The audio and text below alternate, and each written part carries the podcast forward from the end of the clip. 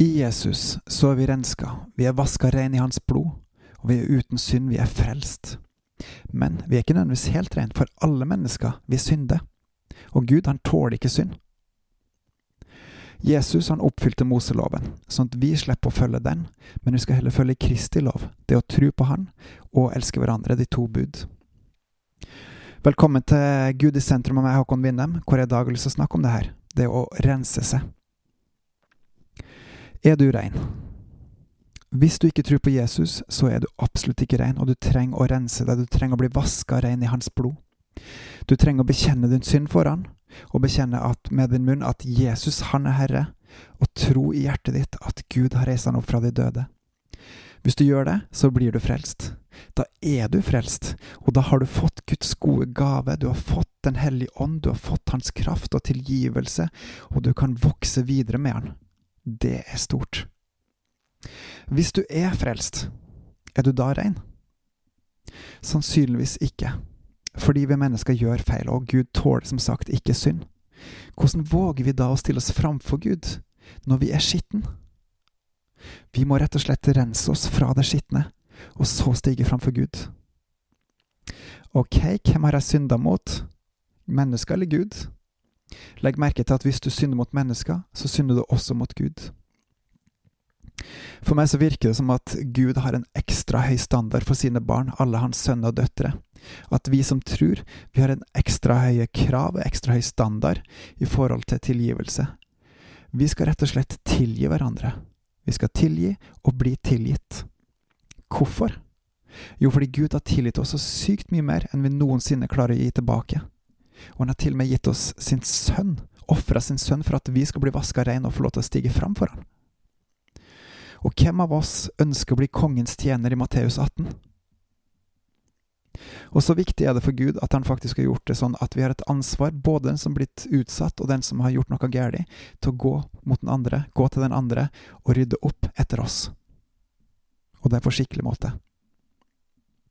Og så er det også sånn at noe, noen synd er så grov alvorlig at det må være en lang og gjennomgående prosess for å kunne få rydde opp i. Hva så med andre folk som ikke tror på Gud? Skal vi eh, være annerledes mot de? Nei, vi skal selvfølgelig ikke ha noe dobbeltmoral, og vi skal også, så langt det er mulig, blant de også rydde opp. I Gamle testamentet så står det mye om avgudsdyrkelse. Eh, den mest synlige er når folk tilber diverse guder, eh, gjerne menneskelagde figurer, hvor de da tilber de istedenfor Gud, og det skjedde både blant israelitter og andre folk. Og en av de tingene de gjorde, var at de ofra mennesker, faktisk. Og det sier Gud er bare helt totalt feil. Det skal man ikke gjøre. Videre så er det også mye lett å bli påvirka av samfunnet en lever i. Og noen ting er jo helt greit, mens andre ting skal man ikke gjøre. Eksempel hvordan man håndhilser på folk. Det spiller ikke noe viktig rolle for Gud. Men hvis kan man lov til å gjøre på det Gud sier? Nei, absolutt ikke. Guds ord er sannheten, og da skal man ikke tulle med det. Hva hvis man da tar litt av Gud og litt av den menneskelige visdommen, og finner en god vei i det? Da vil jeg bare spørre deg, hvem er du som gjør opprør mot Gud? Vet du bedre enn han? Han som har skapt himmelen og jorda, alt som er på han. Vet du bedre enn han? Hvordan våger du å klusse til hans ord? Vend om. Vet du ikke at du rett og slett kan gå fortapt hvis du ikke vender om? Hvem er viktigst, Gud eller jorda? Frykter du mest de som kan pine kroppen din, eller han som har skapt alt og alle, og som holder hele jorda i sin hånd? Vend om! I dag blir vi også sterkt påvirka av det samfunnet vi lever i, og det er faktisk helt umulig for et menneske å ikke synde, med mindre man har blitt vokst, opp, vokst til full helliggjørelse i en hellig ånd og tilber Gud i ånd og sannhet. Det er mye vi påvirkes av. Vi påvirkes av TV-serier, vi påvirkes av menneskelig fornuft, rikdom, bekymringer, lyster, gleder, status, eh, jordisk gods, for eksempel. Men hvor er kjærligheten vår til Gud? Merker du at han kaller på deg? At han ønsker at du skal komme nær til han og være med han og vokse med han? Herren tok det de han elsker og han ønsker å lære deg opp i hans rettferdighet, hans sannhet, hans kjærlighet. i alt som er hans. Han ønsker at du skal være med han, at du skal bekjenne dine synder og vokse videre med han i helliggjørelsen. Be Gud om tilgivelse. Stig framfor han og be han om hjelp til Herre. Be han om til, å tilgi deg, be han om hjelp til å legge det av deg og vokse videre med han. Han er din far, han har lyst til å oppdra deg i sannheten. Gå til han, og han vil gjøre det.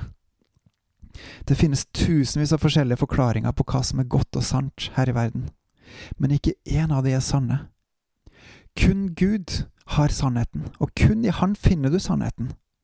Kom hjem til Han, og Han vil vise deg og lære deg opp i den, og du vil finne veien, og du vil få livet. Og Han vil frelse deg. Så, synder du, rens deg. Kom til Gud med alt det tunge, alt det vonde, all synd, og legg det framfor Han og be om tilgivelse.